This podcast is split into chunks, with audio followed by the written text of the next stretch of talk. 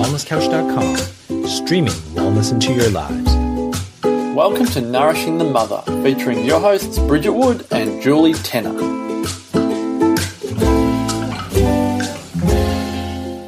Hello and welcome to Nourishing the Mother. I'm Julie Tenner, and just for today, I'm flying solo in an interview with Kaz Jaffe from Mum's the Word podcast, also on the Wellness Couch.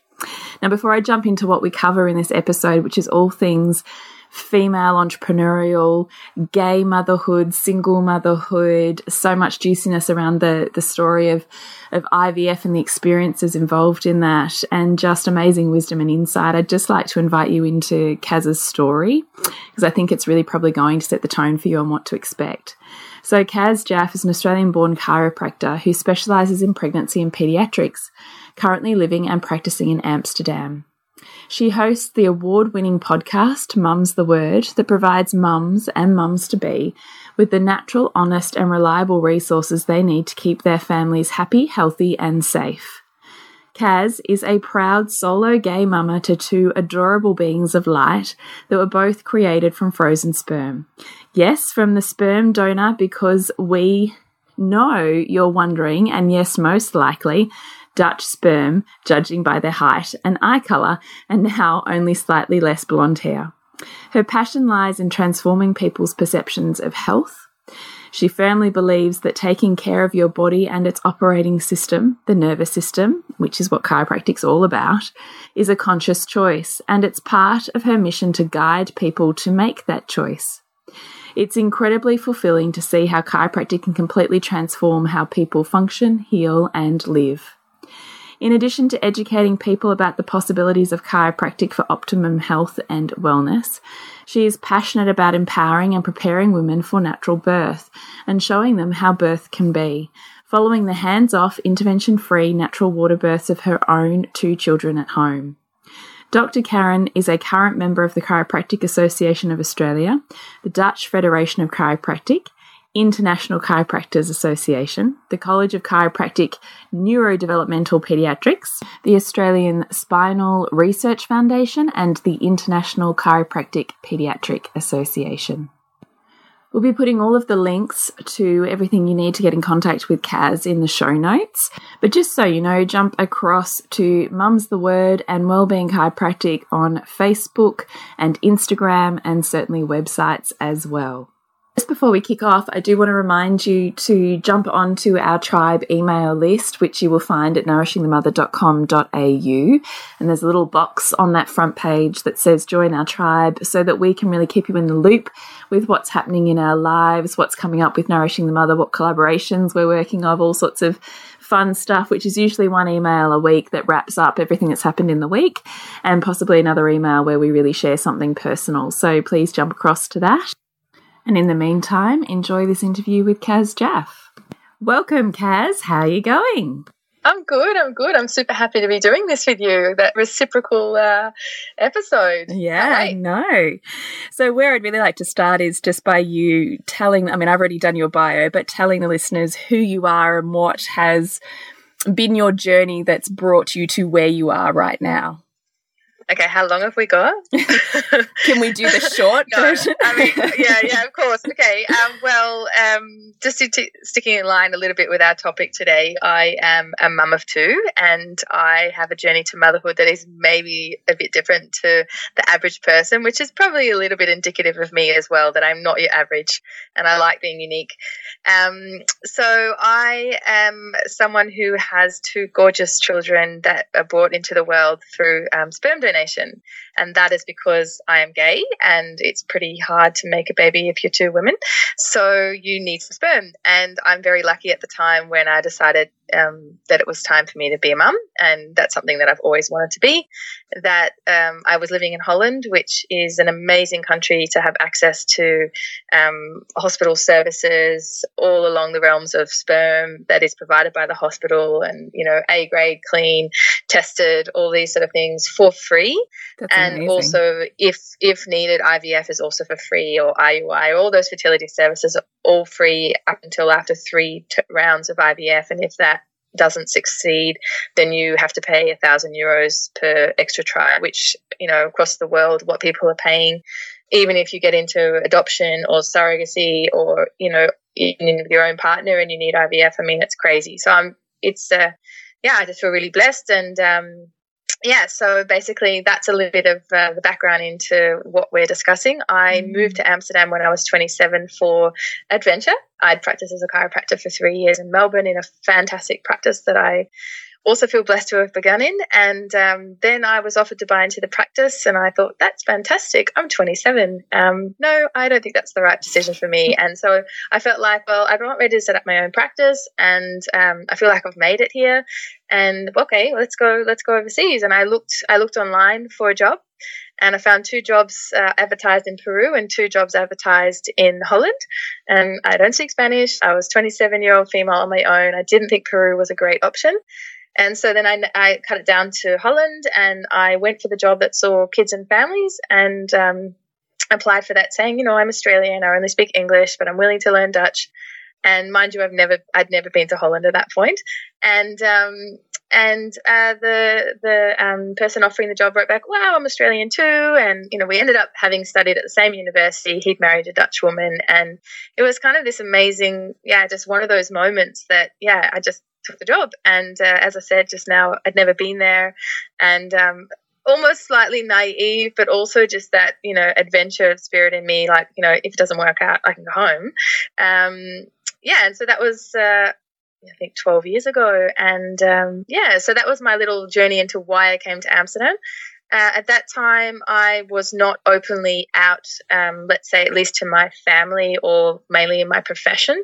I definitely had a girlfriend for, you know, on and off for many years. And you know, my friends all knew, my close friends, and um, it was not something that I'd felt ready to share with my mum at that point. We're super close, and I have a Jewish background, and I guess I felt like to not put my Jewish mother through all silly thoughts that you have, but to not put my mother through the stress if I wasn't sure um, that I was gay. I didn't want to put her through that whole process. Oh, I've got a gay daughter if I wasn't sure myself. So um, I moved to Holland, and you know, was still sort of feeling my way around, and um, well, that really didn't sound, come out too well, but yes, no, no, no, it's, it's you know, discovering, discovering, you know, where who I was, and I guess that's that whole Saturn return year, you know, like 28, and um, yeah, and so then um, fell in love uh, with a French woman maybe about a year or so later, and then I felt like, yeah, this I keep falling for women, and um, now it's time, you know, that, and I think maybe even being removed from Australia and being just on my own, I could just really step into my adulthood. If that mm, sounds um, freedom, okay, like yeah. yeah. just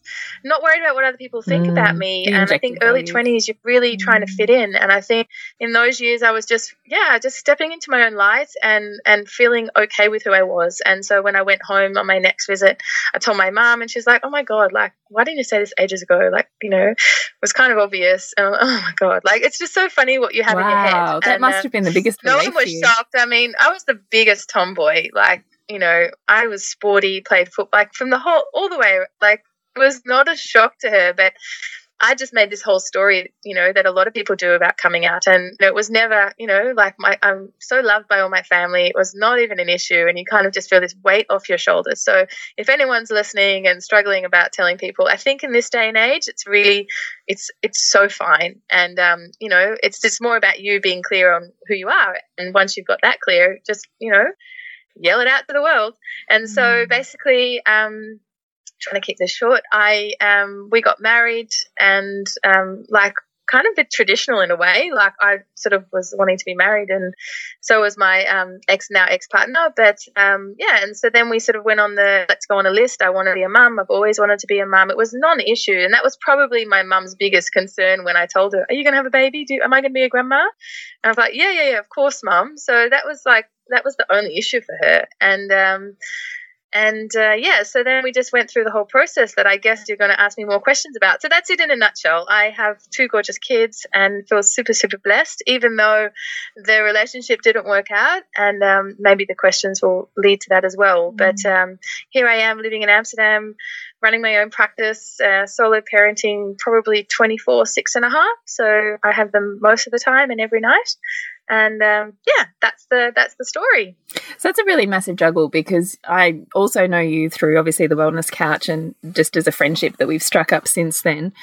And what I see is an incredibly entrepreneurial, driven, motivated woman, but also a very conscious mother. And I'm wondering how you balance both of those. Um, well, I've got a few hidden secrets that actually aren't so secret, and I think one of them is uh, is really being adjusted regularly. Um, you know, I'm a chiropractor, as I mentioned, and you know, chiropractic's not about being pain and you know having headache or back pain. It's really just making sure that you're really connected and and performing at your best. And that's something that has been a little bit of my winning tool in all in all the stresses that I've been through. You know, expat parenting with no family help. You know, international custody divorce. Um, you know, becoming, you know, a practice owner that, you know, has issues with uh, staff under them and all these things you don't learn about when you study to be a chiropractor, you know. So all these challenges along the way. So chiropractic is probably my number one secret. Um, that's not so secret, but there you go. Um, I think a lot of it is that I'm just really blessed that I'm super resilient as well. Um, Why do you think that my is? nature? Hmm. Why do you think that is? Uh, okay, if I really get into it, I was in a very, very bad car accident when I was 10, and I know I'm supposed to be here. I, I you know, had broken femur, broken jaw in three places, split my head open, huge lacerations, had to learn how to walk again, was, you know, in traction on a bed for nine weeks, I, I think maybe eight weeks out of the nine. Um, you know, a super sporty kid that was, you know, training to be a top swimmer that, you know, then sort of was tied to a bed. And I just, I just have this. I know I'm here for a reason, and you know that gives me strength. Um, also, I you know I eat really well. I'm really conscious about what I put into my body. Um, I wouldn't say I get as much sleep as I should, but um, I don't know. I think mindset is, is a huge role uh, has a huge role to play, and I'm also raised by a very strong entrepreneurial power mum as well. So that's my leading example. Do you? That's what I know. I look, I love all of that. I love that you can really bring reverence and recognition to the background that's brought you to where you are now with the toolkit that you have. Back to Mm-hmm. that car accident when you were 10, do you remember Mhm. having that resilience developed already in you or something you acquired on your own through the struggle of being bedridden or the support that was provided to you during that intensive recovery phase? I think is the first. I think I was just a really strong kid. You know, I, I'd already been through. Um, my parents split up when I was five. Um, I'd been through certain challenges. I was. I was just a strong kid, um, Mhm. physically as well. Um, I don't know. I, I don't. I don't ever remember being in pain in the hospital. I mean, I, I'm not super allopathic myself, but I have a lot of respect for it when it's needed. And I and I, I never remembered a bad experience about that hospital. You know, I mm-hmm. was at the time in the Alfred Hospital, which um, had a children's ward. They don't now. Um, I would have normally now been in the TAC road trauma unit, but at the time I was in the pediatric ward with very, very sick children, children where they'd shut the doors and, and um, I get emotional saying it, and literally roll um, bodies down like kids with leukemia, very sick children. And I was a, a healthy kid that was structurally broken, but I, I wasn't sick. So I had so much energy from, and I guess I gave a lot of energy to the nurses at the time. I remember them painting my nails and washing my hair. I had my jaw wired up. I couldn't really eat very well. You know, I was tied to the bed. So they made it so fun for me. And so there's not a bad experience about that. And I think as I grew older, I started to see like, wow, I'm really strong. And, and I, I you know, I really had a near life uh, death experience. Um, and yeah, it's just, it's built resilience in me for sure. Mm, sounds like you really reframed that as well, that you've revisited that the older you've got and found more in it as well. Definitely. I mean, I, I was a kid with a lot of scars that wouldn't wear a short sleeve t shirt. And, you know, when scars are new, they're very pink. And I have one down my forehead that is, you know, you can't even see it now thanks to the amazing plastic surgeon that I had at the time, um, you know, that came on the day. Um, because I was a girl, which is still a bit horrifying, but that's the truth.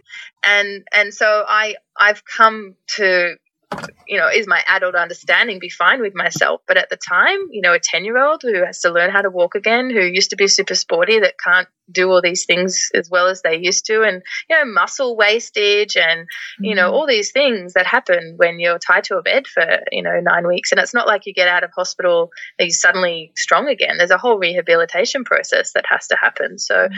you know, I'd been through a lot as a child and, and got through it which we love yeah. because as you know we talk about a lot a lot about the challenges really being our greatest pathway to, to strength power and wisdom and it really sounds like you've dived very deeply into your childhood in the separation of your parents, in the trauma of the car accident and the consequent healing, and then the rehabilitation almost into society and friendship groups and sporting environments and who am I, that you've really taken that all through as wisdom as opposed to pain that you stay stuck and trapped in. Yeah, I mean, and I definitely have to credit just, you know, adult wisdom as well and a lot of self help. And I traveled to India and I was super spiritual in my early 20s. I went to India by myself at 22 for three months. I mean, at the time, my mum, she's like, well, you're going to do it anyway, aren't you? You know, can you imagine? I just, these things that I do. I'm moving overseas now to a place I've never been, you know, like, oh, now I'm a parent. I just think, oh my God, what did I put her through? But I think um, some of the, yeah, that, like I said before, that stepping into your own light and being comfortable in your own skin, it's something that has to grow. You, you, you know, you can read all the theory, but I think you still have to live it. And I think, you know, coming into your later 20s is probably when that happens um, for most people. Mm. So the, yeah. the areas I, I, mean, I really want to dive very deeply into your experience as a gay mother in particular.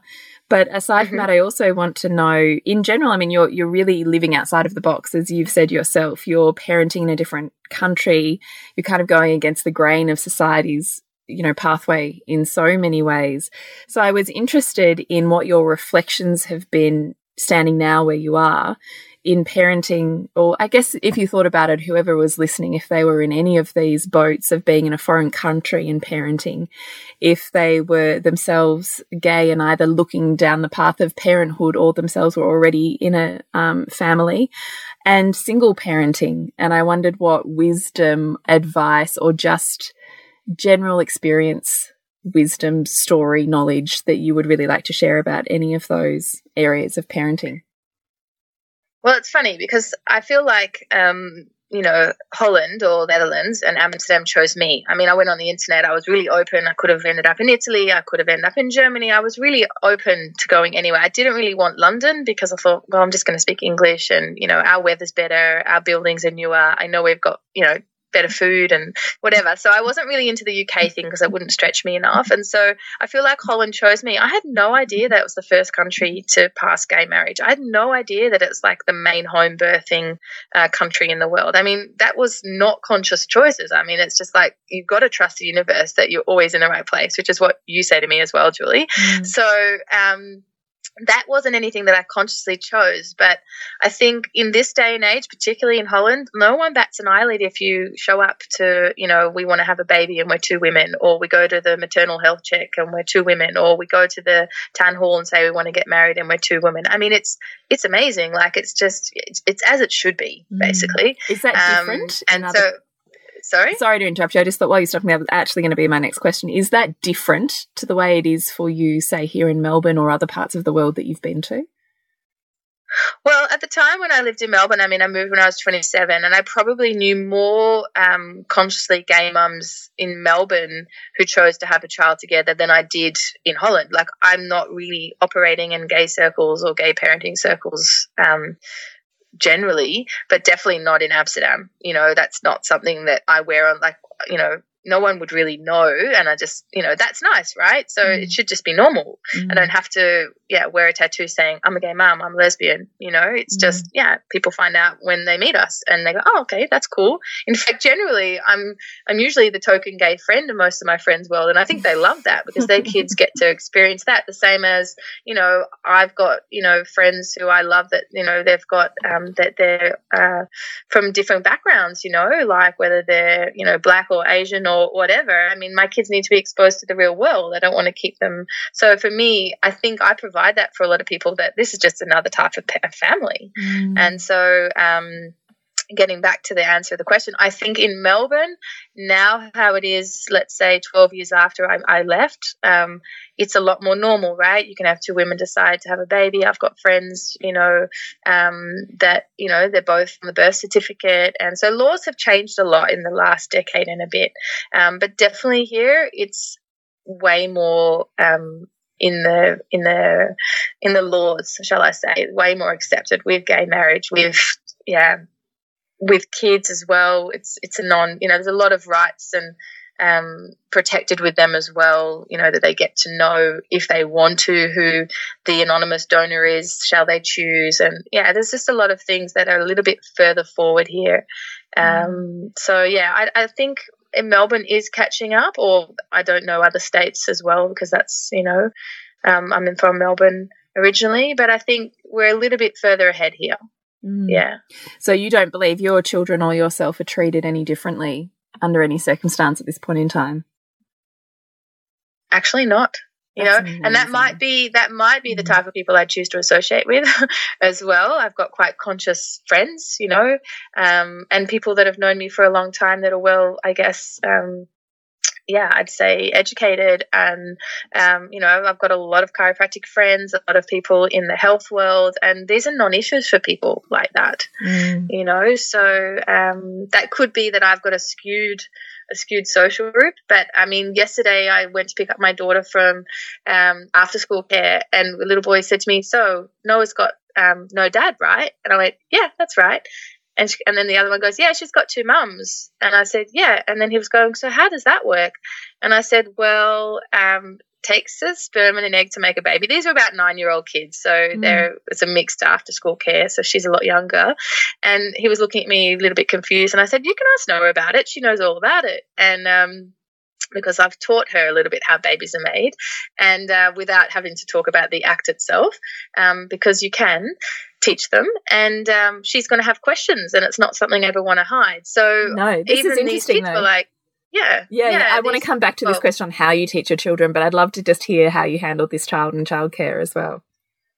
Yeah, in the in the after school care. Yeah, um, yeah, yeah. Like um, and and he was just kind of like, oh, okay. And then I heard in Dutch the little girl call. It was really funny because um, the the one who was saying, yeah, she's got two mums. Like he's actually got a single mum, so he knows a little bit about you know that I'm a single mum, and it just made me a little bit okay with that.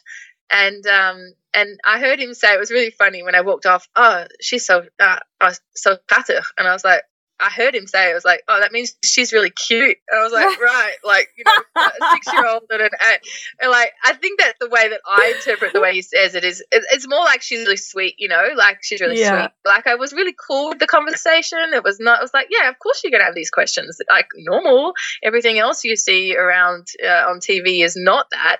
You know, you see a mum and a dad in most books, which is something we can talk about. Um, yeah, so I, I felt really okay. And then we walked down the stairs, and I said, right, Noah, do you want to explain? To Philippe, you know, how it works. And she's like, oh, yeah, I don't have a dad. And it was fine. It was totally fine. And mm. I do mm. try and hang out with some friends that I know now who have um, two mum families just so that they can see it's super normal. Because if you, you're the only one, um, you know that could be a little bit hard to deal with. You're also not from this country, so you don't speak the language completely. Your parents speak you, you speak English at home. You um, you have a single mum, you have a gay mum. So there's a whole lot of different boxes that she's mm. already, or they are, my two children are already put into um, that are a bit different than, let's say, you know, everyone else. So yeah, I just try to make it really comfortable for them. Mm. That was going to be one of my other questions actually was, did you actually think it was important to socialize with other gay families?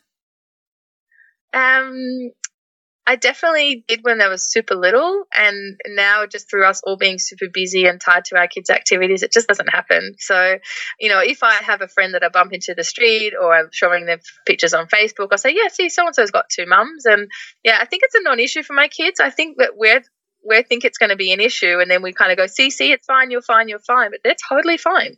Like they need love, and you know, people say that all the time, and it's really, really true. Like they don't feel like um, yeah, that it's an issue. Mm. Why was it important yeah. to you when they were babies? Um, I think that was me still stepping into the comfort of of being okay. Um, that it's less common. you know. Mm-hmm. So, um, you know, we're six and a half years on. Uh, I'm six and a half years on in the parenting thing, and I think there's, like I said, I'm more aware of how it's totally normal than maybe what I was. I wasn't in so much the parenting world when I wasn't a parent because you know you don't connect with so many people with kids until you have them so that was something I thought had to be an issue and then as I get along in the parenting story I think actually it's fine mm. if that makes sense mm, yeah it does so just yeah. back to the original question, I know we went on a tangent, which is great. Sorry. Was no, no, no, it was perfect. Is there anything that you'd really like to share with us about your experience of single parenting that perhaps you weren't aware of until you yourself were traveling that path? It comes back a little bit to maybe that mama guilt that we all have. I mean, obviously, being a single parent, um, you know, I have to work, and and sometimes the kids are with a babysitter more than they would be if I, you know, we were two parents in the same house. Mm. So I think you know, there's that constant like, am I giving them enough or ever giving my work enough? That that that challenge is probably. Um, raised a little bit higher because I have to work harder or you know I'm you know buck stops with me basically and uh, you know, there's that challenge making sure that they see that their mother works and that sets a good example. And I think a lot of the things I've read about, you know, parents that have to work, um, including my own mother, it set the good mindset for children that, you know, it doesn't all come on a silver platter. Mm. Um, so that's been something I think that is an internal challenge just to be there for them. And um, you know, I I've learned a lot to pick my battles. So um, I sense that the kids, particularly having had a little bit of a hiatus moving back to Melbourne and now coming back to Amsterdam, the, that sort of upheaval, one side the globe and then back again, back to here. Um, I sense that the kids just really feel the need of security. And so i mean they're in my bed every night and and and that's okay. So i've just learned to be a little bit like pick my battles um, mm. is probably my mantra in parenting. And and that's probably even more so now having become a single parent as well. Mm. i love yeah. that. And we say that all the time pick your battles. Yeah like i'm not going to be fussed i mean to be honest they start i mean they sleep in a it's a bunk bed that's a double on the bottom and, and, and, a single at the top and my daughter still wants to sleep with her little brother down down the bottom. Mm. and they start in their bed but somehow in the middle of the night they end up in my bed and i'm squashed like you know the cheese and the sandwich and and i wake up with them next to me and you know that's also fine. They're not going to do that forever and i also like to snuggle so it's okay. Yeah i like that too. Yeah. Uh, yeah. the next question I have is actually back to your um, what you touched on earlier about actually explaining different family units and relationships and certainly um, couples that are two mums or two dads and how you actually go about explaining that to kids. I want to hear kind of two stories here. I'm wanting to hear your experience and how you approached it with your kids. And then I'd really like to just take a step back and as kind of uh, um, an expert in this in this area that we're possibly exposed to or not, how what advice would you have for the parents that have kids that are perhaps in a, a heterosexual family unit but are wanting to explain to their kids about non-heterosexual relationships or yeah. families or so I kind of want to hear both your experience and what advice you have for telling kids. Okay, so I think my experience, I feel very blessed that it's been not a huge stress like I said before, um, maybe because I live here and, um, you know, I it was on my mind, and I think just around the you know time that I became a mum, I just had really nurturing, supportive people around me. So, um, alluding to the you know the token in my circle, I'm usually the token Aussie, the definitely the token chiropractor that people love to have in their friend circle, um, which you know is understandable when things are going on in their body. Um, also happen to be the token Jew in my, uh, which is a whole other topic, um, in in my so- social you know network, and the token gay mum. So there's a lot of I think people just like, well, you know, she's a different. I don't know. It's it's really a non-issue. I, I think we make it an issue, and um, you know, I think people just like to see for them for themselves that this is totally normal. And I think it comes back to the type of people that I associate with. So maybe I have a really rose-colored, you know, tinted glasses view on the world about how it is, and I and I wish my way was for everyone. Um, for people that uh, um, maybe wanting to explain.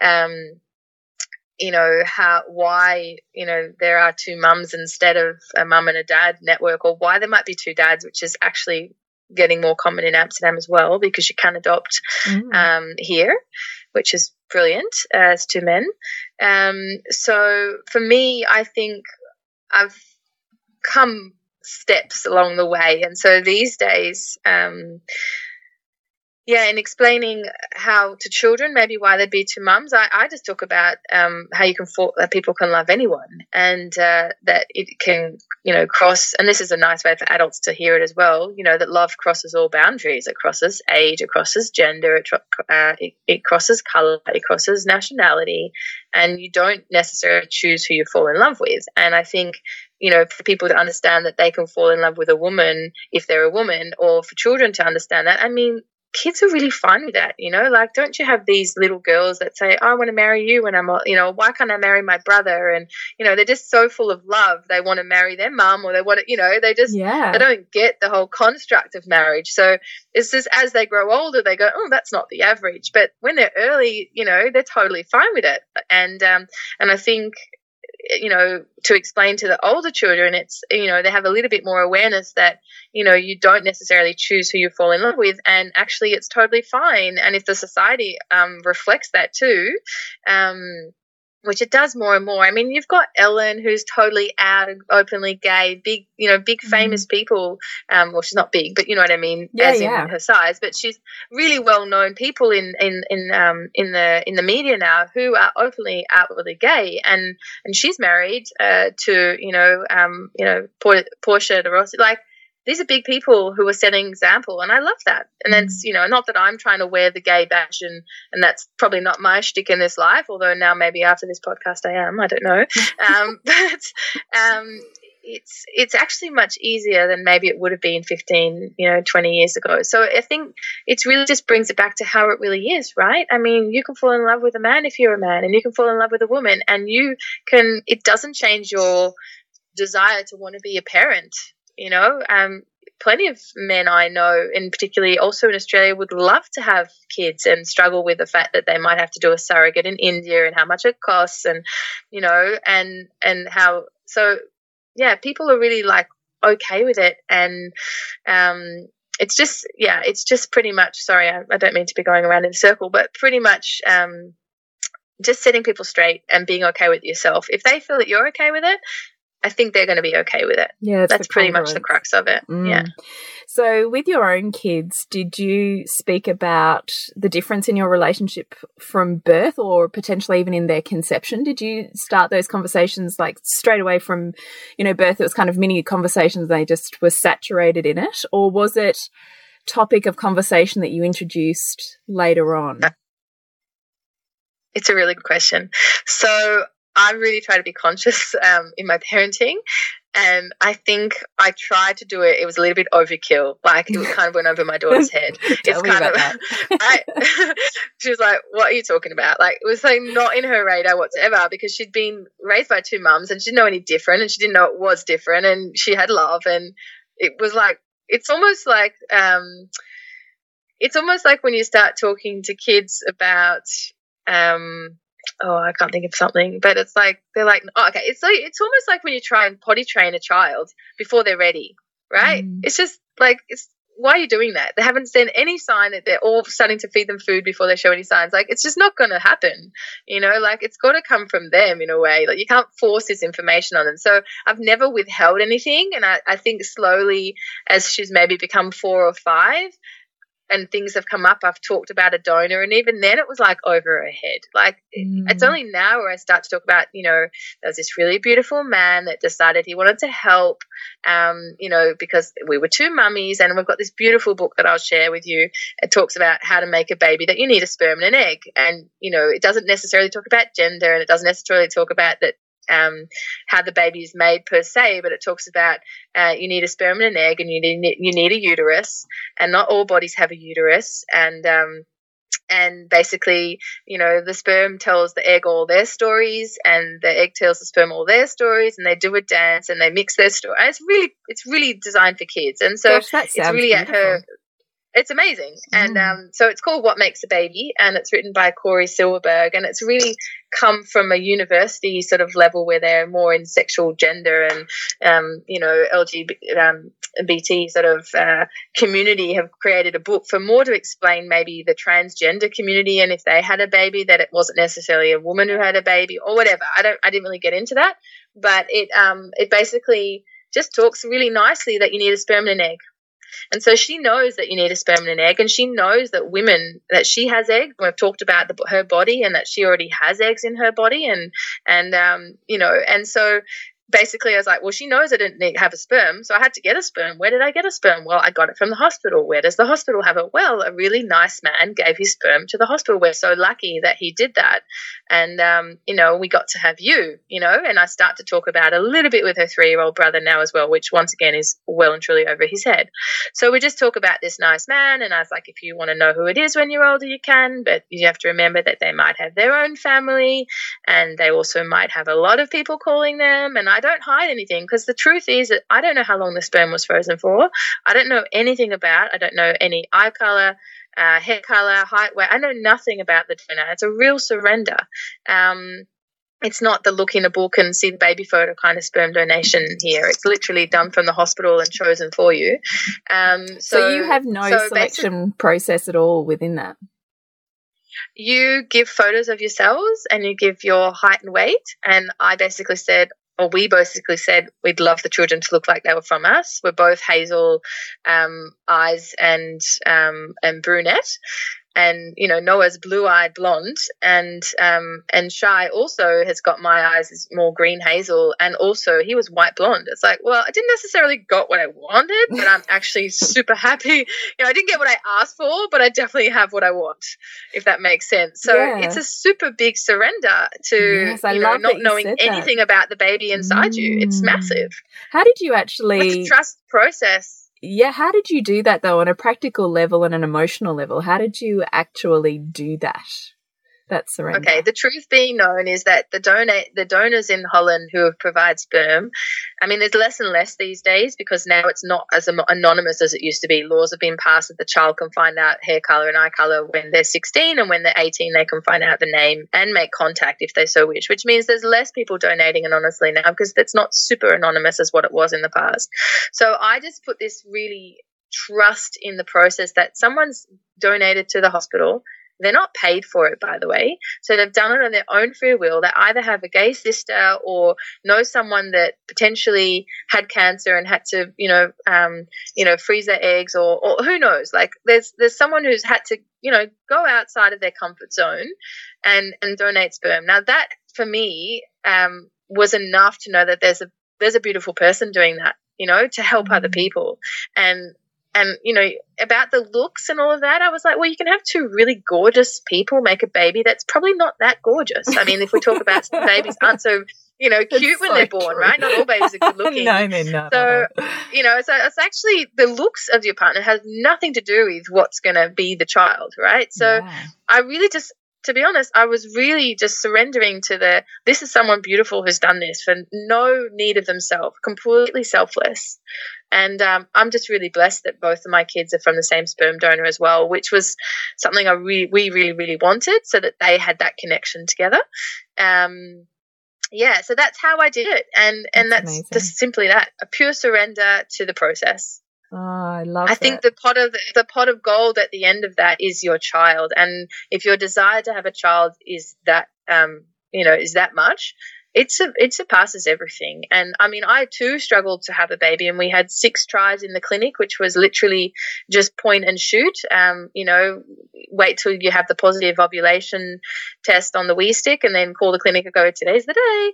So we we did that, and um, and then you do it two days in a row, and um, and so there were six tries at the clinic, and after six tries, they said, "Okay, well." Um, we're going to just you know make sure we check everything at the hospital. So in the time between the six tries and and lucky number seven, which is when Noah was born, I did a lot of things as well as all those tests, which is not so nice. Um, you know, basically syringing something up to check an x-ray of your fallopian tubes and uh, it's a whole other process. We can talk about that but another time. But basically there's a lot of tests that i did to check was I okay? And to be honest, every test came back, I was totally fine. And it was really just a structural problem to not be able to make a baby. You've got two women. So, in the process of between six and seven um, tries, that we changed the donor. I had all that time in between of the test, but I also started eating meat. I was a vegetarian for more than a decade. I started having acupuncture and herbs and, um, and did a lot of things. And then they decided at the hospital, basically with all their tests, are they going to put you in the IVF route or are they going to put you in the IUI route? So for those that don't know what IUI is, it's basically insemination again.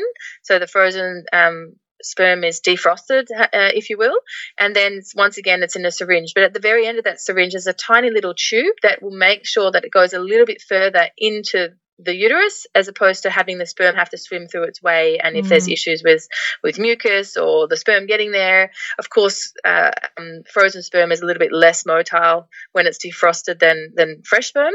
I know a lot about this stuff by the way. I'm and um, loving this conversation. so hopefully, enli- hopefully enlightening for the listeners. But anyway so iui is basically the same thing point and shoot um, but a little bit deeper and and so I, they decided with me that actually all the tests came back fine, so they were going to do IUI. Obviously, um, they tried to push hormones on me, and I, I with my chiropractic, uh, you know, very uh, conscious health, uh, you know, all the things I put into my body, and I was like, but hang on a sec, you've tested all my hormones, and they're all fine. So why would I take hormones? And it was kind of like a little bit challenging for the um, the fertility uh, doctor um, because, of course, they're worried about their statistics and and things like that. And we basically came to a deal that I'd have three tries without hormones, um, and then we'd have a discussion again if that wasn't successful. And I'm very blessed to say that um, first time work. Now, the difference between IUI and the other point and shoot, as I said, is also for, it's um, inseminated a bit further. But the other benefit of being in the hospital is you you have the access to all the ultrasounds to check on the um, the follicles to see when they're ripe, the same as you would with IVF.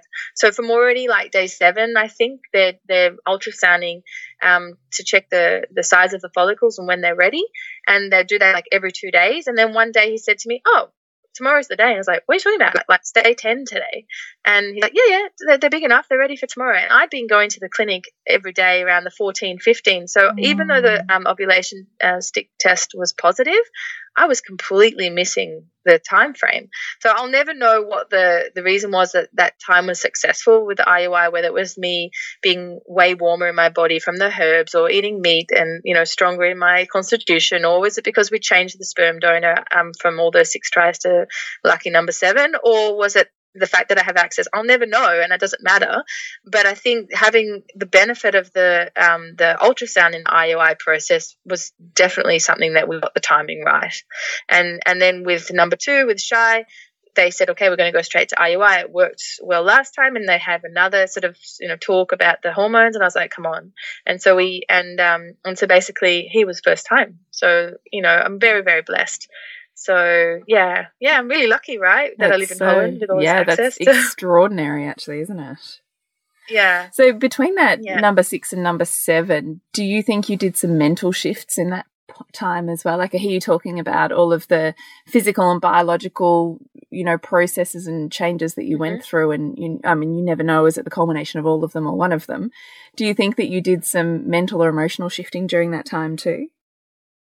I definitely did. I mean, the the the trying to get pregnant period was super traumatic, and um, I I can completely put myself in the shoes of people who um, are still trying, because you know, at the time of being a chiropractor and having to go to a clinic at this particular day and this particular time, and also not having my whole world know, I wasn't even working in the city. So I had to make sure that, you know, when I had that stick, I could see the patient still and then get back into the clinic in the city and the time that they was super stressful, you know. And and and the thing that got me through was I was really open about my experience with my friends. You know, I never really did it on my own, obviously with my partner as well, and we were in it together. But um, you know, I was really forthcoming about what I was going through because I think when people go through struggles in their own, whether it's trying to get pregnant or a miscarriage or or um, someone cheating on them or all the shame and all these things that we, you know, teach ourselves that it should be sh- a shameful or taboo situation it really, really, um, looking on the other end is so helpful to share it, even if it's just one person, you know, mm. to have it out. And I think with that process of expressing it all to my friends and all the different challenges all, all the way through, um, and and once again being supported made it possible. The internal shift as well was just having hope you know? I really was confident in my own body. Like i mean i didn't feel that i was infertile. My sister pretty much got pregnant while she was on the pill and had another pregnancy like you know very shortly after and her third child was you know in inverted commas an accident you know? So and i you know had never been on the pill you know super healthy lifestyle. I just i was really confident in my health and i just kind of was trusting that it was just a structural timing maybe the sperm energetic i don't know so um, i was a lot more um, okay well if they say i need to go to the hospital well let's just go through these steps you know so um, of course, internally, I was impatient. I was in pain. You know, I deal with pregnant people and babies all the time, right? So, and then you've also got that you don't want to share it with your patients. So, mm. um, I don't know. I think, um, I think that was just, yeah, hope and faith. Mm. Yeah. I love that as an answer. I just have a couple more if you don't mind hanging in there with me. I'm good. Okay. I wondered in terms of having two two mums, has it been part of your consciousness to place male role models within your children's lives or do you consider that kind of not really necessary for where they're at and who they already have in their circle? Once again, I did it a little bit more consciously when um, they, they were really little. Um, I know some friends that have made sure they've had a male babysitter. I didn't really go to that extent, but definitely with my uh, friends you know, particularly a lot of male friends who are chiropractors or just people that I know in my own social world, my kids flock to them like nothing else, you know, and I think that's also some of the physical play, you know, like mm. men have the strength to toss a kid in the air and, you know, do all those things that I don't necessarily do. Um, and they love that. Um, you know, my, my daughter is, um, like, you know, she does the like, almost like the, um, the eyelash, you know, um, what's it called when you do your eyelashes? Yeah. Uh, she almost does that around. it's really funny. So, um, because a lot of the the role models you see on TV is the charming, you know, prince of, you know, saves the princess and, yeah. you know, so, um, yeah, so I think it just happens organically in my world at the moment. We've got some good male friends that, you know, the kids might call their uncle, but they know that it's not their uncle. And yeah, no, it's happened organically. I thought I had to put more of it into it, but I just generally have a lot of male friends. And so that's been fine for me. Mm. Yeah. Like I said, I don't really operate in gay parenting circles. So, you know, I thought I needed to do it and you don't really. Um, and the same thing for, you know, um, putting make sure there's a male mole model. Um, you you certainly can do it and it's it's helpful, but it's not going to be something that they lack. You know, the kids have, um, especially my son's daycare, had a male teacher and um, the sports teacher is male now at the school and there's some male teachers, you know, around them and they have men around them, so it's fine. Mm, yeah. Mm. What does motherhood mean to you? Ooh, that's a good question, Julie. what does motherhood mean to me? Wow, for me, it means uh, you have to be selfless. Um, you have a lot of reward, of course, but I think it um, is a whole other level of your understanding about who you are and serving the world. Um, for me, you know, it's uh, something I'm consciously trying to, um, like everything, I guess, and like we all are, make sure I do a good job job at. Um, for sure, I'm a little bit more on the attachment uh, side of things, so that means I'm trying to just stick with what would be in nature or what happens, you know, in other cultures, and I try to just be a little bit like heart led as well. So motherhood for me is definitely a life lesson. Um, you know, the kids teach you a lot of patience and, um, yeah, just also bring out who you are. And um, yeah, that's my answer. mm. What responsibility and gifts does motherhood entail for you? The responsibility is huge um, because, you know, these are little beings that you are a reflection of them and they're mirroring you in many ways. So, you know, it's um it's a responsibility to make sure I do the right thing. And that means whether it's, you know, with rules or just how I treat people, consciously making sure that I do the right thing. That's the example that I had um, in uh, in parenting. And I'm not saying you know, like I've said before, I'm a little bit of a unique person and I like shifting perception um, just because I feel like that's who I am. Um, but I definitely think there's a responsibility to let them operate well within society. And um, the other question was the responsibility and the other one, the gift. Yeah. Yeah, gifts of motherhood or what gifts you perceive motherhood has brought you. I mean, I, I love it. I, I think it's addictive. um, you know, even when you're tired, I think looking in their eyes, it gives you so much back. And, um, you know, even the moments when they're fighting and, you know, it's a challenge. And of course, my kids do that too. I still think the gift of knowing that you brought these two beings into the world and just your heart explodes you know there's so much overflowing love i mean that in itself is a gift to, to show them what what love can be um, but also what you get back as well mm. i feel really i feel really blessed that um, I was able to show my daughter how birth could be. She was at the the um, birth of her little brother, and you know she cut his cord, and we did a whole lot of work about you know how it's going to be and the sounds that mum's going to make. So I really like to show them what things can be. You know, whether it's in the way we are as a family unit, in the way that we're now an expat family, um, in the way that I swap the, the um, sweets that get given around in the class, and we come back and we go to the health food store and I swap them for something, you know, more on the healthy side. Um, so yeah, that that's a gift to let them see that there's another way. Yeah.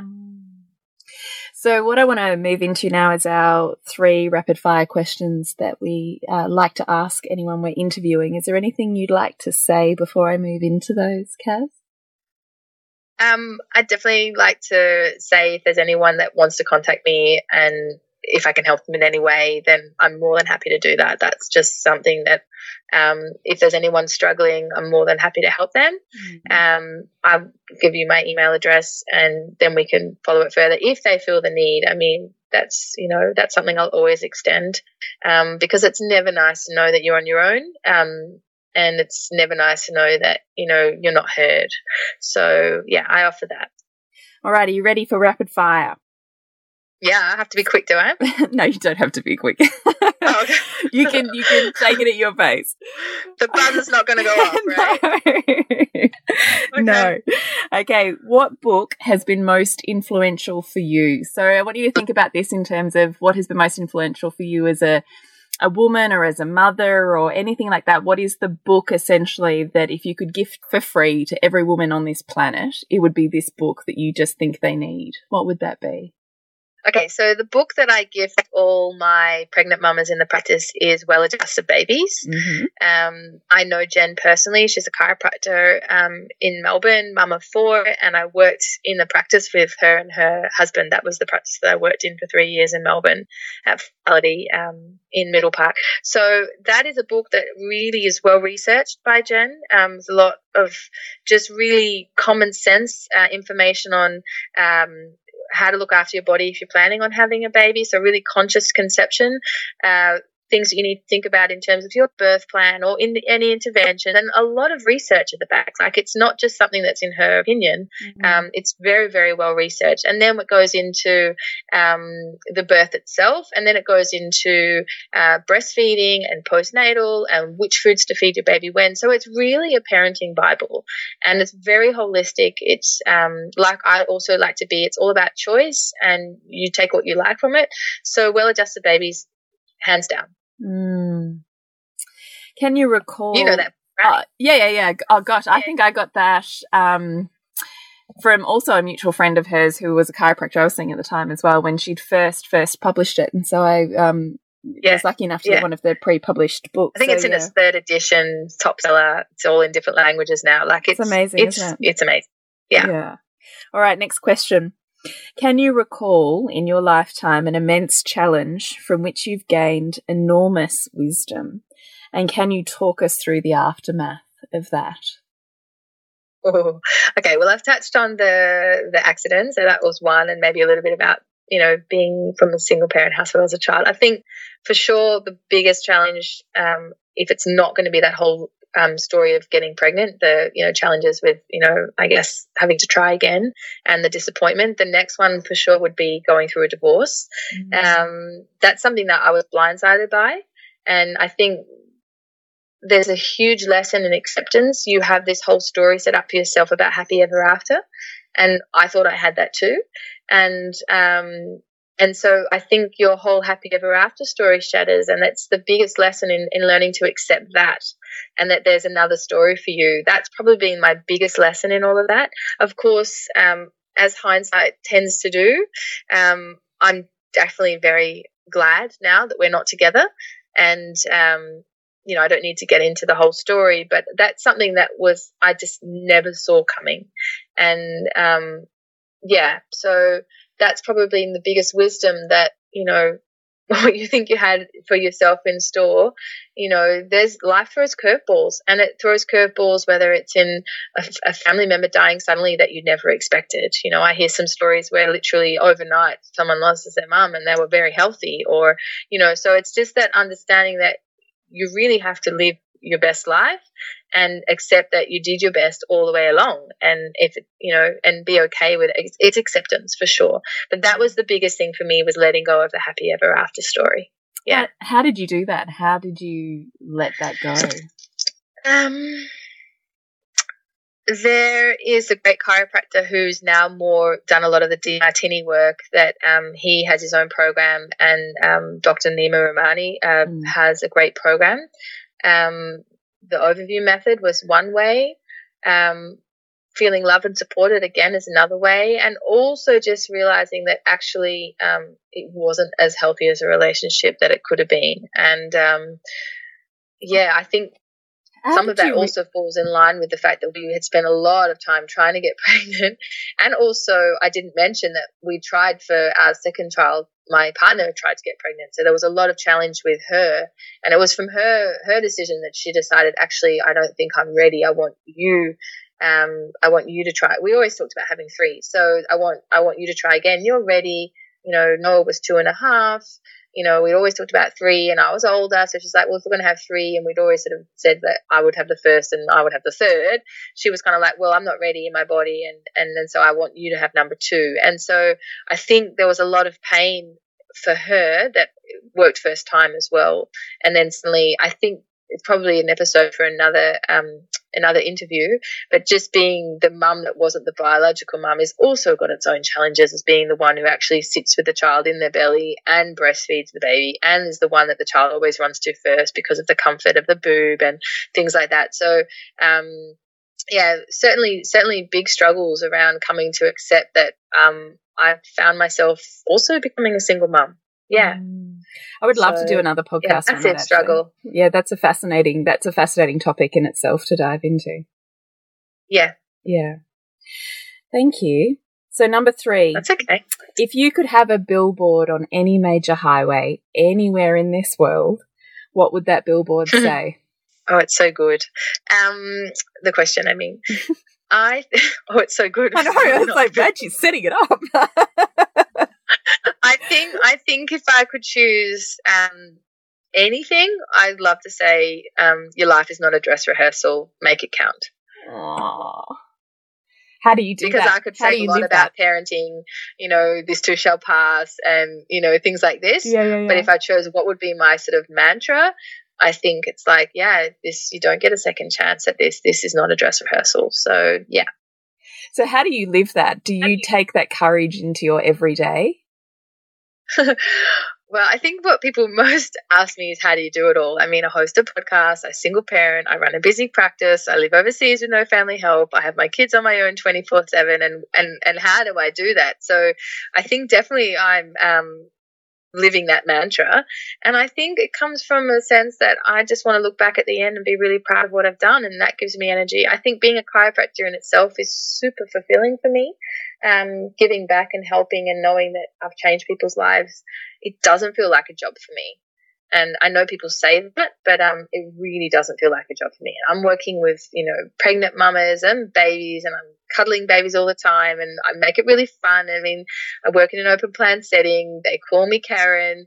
You know, um, they don't call me Dr. Jaffe, and I, you know, I allow myself to wear jeans on Saturdays if I want. I play Madonna if I want. Like it's really just trying to shift people's perception also about what is health, right? They're coming there because they're mm. healthy and they want to stay healthy or get healthier. So, um, I definitely feel like um, just yeah, like I said before, positive mindset, um, being congruent with your message, and um, finding a tribe has also been really good for me as well. Um, yeah, finding like-minded people um, has helped me stay on track. Um, yeah, so there's some ways, and as I mentioned earlier, putting good food in. Mm. So, Kaz, I'd love for you to give the wrap up on how our beautiful tribe can connect with you, how we find you, and what is going on in your world right now, professionally and otherwise, that's coming up and you would like everybody to know about. Okay. Um, well, I am working now and, and running a practice in Amsterdam called Wellbeing Chiropractic. So I have wellbeingchiropractic.nl. The .nl is for Netherlands. Um, of course, we have a Facebook page that is also Wellbeing Chiropractic Amsterdam, and I will put um, the links in the show notes, and of course, an Instagram. Um, and then I have Mum's the Word, which is my little baby um, mm. passion project, actually, which is an amazing and that's podcast. Come around. Mm. Sorry? It's an amazing podcast on the Wellness Couch, which we'll put all the links in for. And you interview the most profound people every week.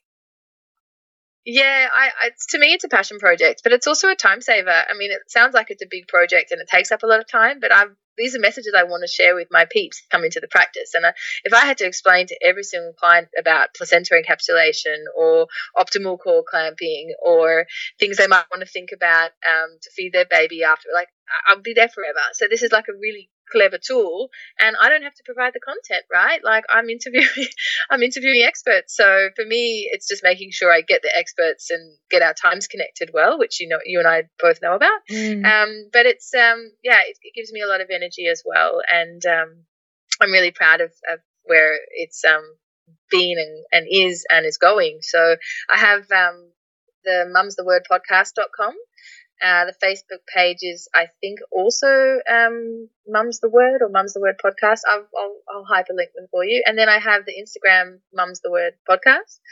Um, yeah, some other things that I'm delving into is um, making sure that we can keep mums energetic and and sort of lose a bit of that burnout and fatigue that can happen. So I've spent probably um, the last 10 years making sure that I only really worked in the pregnancy and pediatric world. But I guess having um, moved internationally twice in a, very short time with children, I am all well versed in fatigue and, you know, breastfed my kids for two and a half years each. So I'm just working to finding ways that we can support mums um, getting their energy back on track. So that's something that I've done a little bit of work with sympathetic dominance, um, which is obviously in you know, the type of energy being chased by the tiger and trying to make sure people come back to balance. Also, working with a little bit of um, amazing nutrition and the ketogenic diet as well. Um, of actually going to the US next week to learn the science behind some amazing keto products. So that's kind of what I'm doing. And um, I definitely, as I said, extend um, a hand to anyone or um, if they want to get in touch with me. So I think the, the easiest way is Dr. Karen Jaffe at mac.com. So D R K A R E N J A F F E at mac, M-A-C.com is my email. So thanks so much, Kaz. That was just the most divine experience listening to you and your sultry tones is beautiful and sharing such vulnerability that I really deeply honor as well, that journey and that wisdom. So thanks so much for, for being on board. Yeah, you're very welcome. I'm going to take that sultry compliment. I like it. Thanks.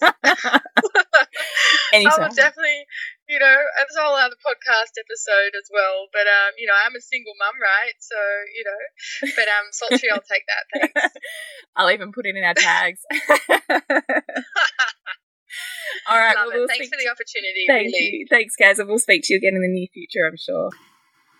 So that was our interview with Kaz Jaffe, and we really hope that you enjoyed it and that you will also jump across to Mum's the Word podcast and have a listen because it is well and truly worth it. She's just the most divine soul who's really wanting to awaken mothers into conscious choices for themselves and their children. And I'd like to remind you to jump across to nourishingthemother.com.au and check out our online programs. We have three coming up in the next three months. So we have April we'll see aligned parenting. May will be reimagining motherhood, and June will be our next live round of loathing to loving. So jump across there and check those out if you're even remotely interested. I invite you to jump on Facebook and Instagram with Nourishing the Mother I really just want to say thank you for tuning in and listening. We appreciate it every week when you do, and we absolutely adore the comments and the messages and the emails, the topic suggestions, the feedback on how things are resonating for you and what those ripples are out in your world. It just lights us up and really fuels us to keep going. So thank you so much for that. If you have five seconds, please rate us on iTunes. It helps keep us up there for other mums to find and leave a review on Facebook if something's really resonated with you and you would just love to give a shout out so that other mums can read that and hopefully be inspired enough to create the space in their day to listen. So we will see you next week when we continue to peel back the layers on your mothering journey. This has been a production of TheWellnessCouch.com. Check us out on Facebook and join in the conversation on Facebook.com forward slash The Wellness Couch. Subscribe to each show on iTunes and check us out on Twitter. The Wellness Couch, streaming wellness into your lives. Whilst the Wellness Couch presenter endeavor to provide accurate and helpful information to their listeners, these podcasts cannot take into account individual circumstances and are not intended to be a substitute for health and medical advice from a qualified health professional. You should always seek the advice of a qualified health professional before acting on any of the information provided by any of the Wellness Couch podcasts.